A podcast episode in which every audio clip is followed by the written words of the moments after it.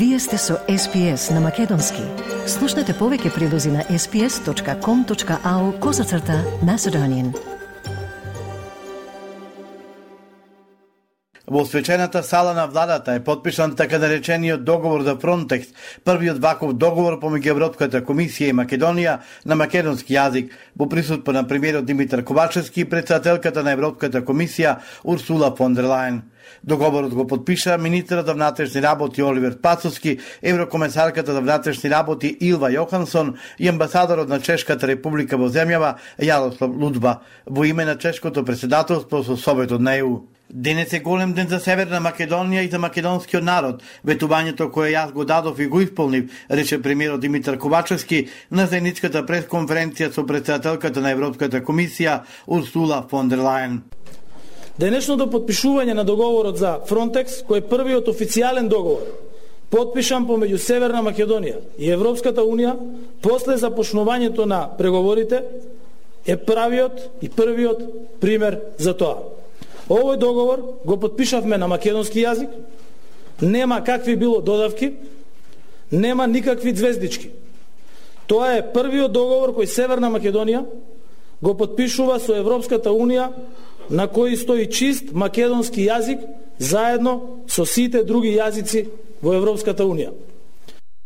Со добра подготвеност за брзо и успешно да го завршиме скринингот, верувам и очекувам дека тоа ќе се случи за 14 месеци. Се бара синер ангажман од сите, бидејќи ова не е задача на една влада или партија. Ова е задача на сите чинители во државата. Затоа уште еднаш ја повикувам опозицијата во собранието да се обединиме заради еднината на оваа држава. Тоа се однесува на преговорите со Европската Унија, но и на уставните измени, кои не очекуваат веднаш том завршиме со процесот на скринингот.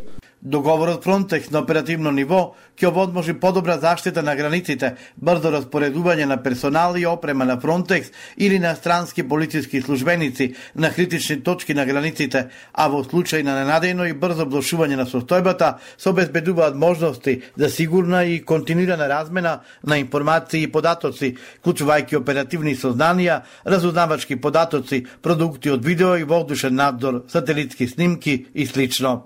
Верувам дека сите политичари во Македонија ќе сватат дека мора да дадат заеднички придонес кон тоа земјата се движи напред, рече на пресконференцијата во владата председателката на Европската комисија фон дер Лајен коментирајќи го противењето на опозицијата да поддржи уставни измени без никаква гарантија од Европската Унија.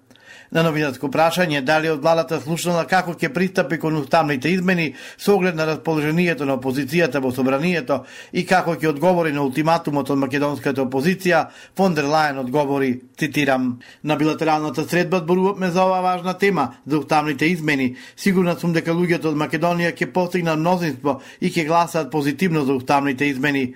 Постигнавте многу, минате вниз многу, бевте на вистина успешни во напредувањето и сигурна сум дека тука во земјата, ќе најдете убедливи аргументи за сите да сватат дека сите се одговорни за учествување и за придонес кон тоа земјата да се движи напред рече фон дер Лајен и додаде, зборувам за младите луѓе кои што имаат стон, ги повикувам сите политичари да го оспорат овој стон на младите луѓе, рече фон дер Лајен. Председателката на Европската комисија фон дер Лајен најави дека до крај на годината Брисел ќе одобри итна буџетска поддршка за Македонија како една од мерките за помош во енергетската криза. Мојата порака денес за граѓаните е јасна. ЕУ е покрај вас. Бова сме заедно. Ке минеме низ ова заедно. Ке надминеме оваа криза заедно и ке се придвижиме кон подобра илина, рече фон дер Лајен.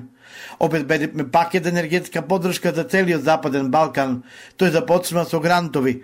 80 милиони како итна буџетска поддршка за Македонија, кои треба да ја помогнат да се соочи со влијанието што зголемените цени на енергијата кои имаат врз вашите граѓани и бизниси. Ова ќе го завршиме до крај нова година, за да можете да ги добиете средствата веќе во јануари, рече фон дер Лајен. Понатаму таа најави 500 милиони евра во грантови за целиот регион, а кои ќе се однесува на инвестиции во енергетските конекции со Европа за поголема енергетска ефикасност и за обновлива енергија. На СБС слушате вести од Македонија. Ниту дадов дозвола, ниту забрана за отворањето на приватен македонски културен клуб Никола Ваптаров, Вака за бугарски 24 часа го искоментира градоначалникот на Благоевград Илко Стојанов, настано за внедела, која е во организација на огранокот Номоилин Денпирин. Посочува дека настанот нема никаква врска со општината и доколку некој шпекулира со неговото име и со институцијата која тој ја раководи, е лага. Група луѓе изнајмиле простори од приватно лице и решиле да направат клуб. Обштината нема да го официализира овој приватен настан. Доби покана за отпорањето, но нема да одам, вели Стојанов. Бугарските медиуми посочуваат дека повод за изјавата на градоначалникот на Благоевград е сообштението објавено од Омо Илинден Пирин на Фейсбук дека отпорањето на македонскиот клуб официјално го дозволи Стојанов. Од друга страна, универзитетскиот професор на Штипскиот универзитет Готе Делчев Тојко Стојков, кој живее во Сандански, за Телма појаснува дека целата процедура за отпорање на клубот Бонедела во Благоевград е запазена. Со оставањето на бугарите во Уставот ќе се дискредитира значењето на АСНОМ, вели доктор Наташа Котлар. Бугарската држава не дала никаква согласност дека таму македонците може да се здружат. Не знам во која функција ти ќе го отворат, како израз на бугарските културни потреби или како израз на македонските културни потреби. Тоа треба да ни го кажи да а, другата држава, а друго ако сака другата држава да гради добрососедски односи со нас, треба пред се да ги поз, а, при, а, признава македонските а, посебности, односно македонскиот народ, македонската историја, македонската култура, да не ди се случува нивниот председател председател Радев да ја топори бугарската култура и историја за земајки ја македонската. Председател на МАНУ Љупчо Коцарев бара отфрлање на договорите со соседните земји. Факти што научно и документирано се верификувани од МАНУ, од македонската, но и од светската наука, тогаш документите што ги нергираат тие факти и промовираат невистини, лаги и манипулации, а тоа се договорите со Грција и Бугарија, македонците и македонската научна јавност треба да ги отфрлат и да ги осудат.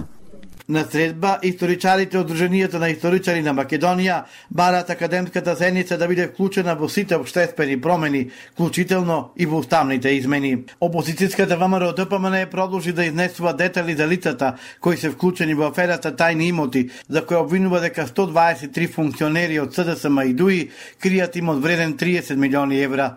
Пратеникот Бране Петрушевски на пресрече. Ана Марија Павич, која е именувана за член на управниот одбор на Прифатниот центар за баратели на азил и не поднела анкетен лист, а истата е координатор на форумот на жени во Обштинската организација Бутел и била кандидат за советник од партијата. Саша Максимовски, председател на Комитетот за одобрување на инвестиции на ФИТР и со работна позиција раководител на сектор во владата на Република Македонија.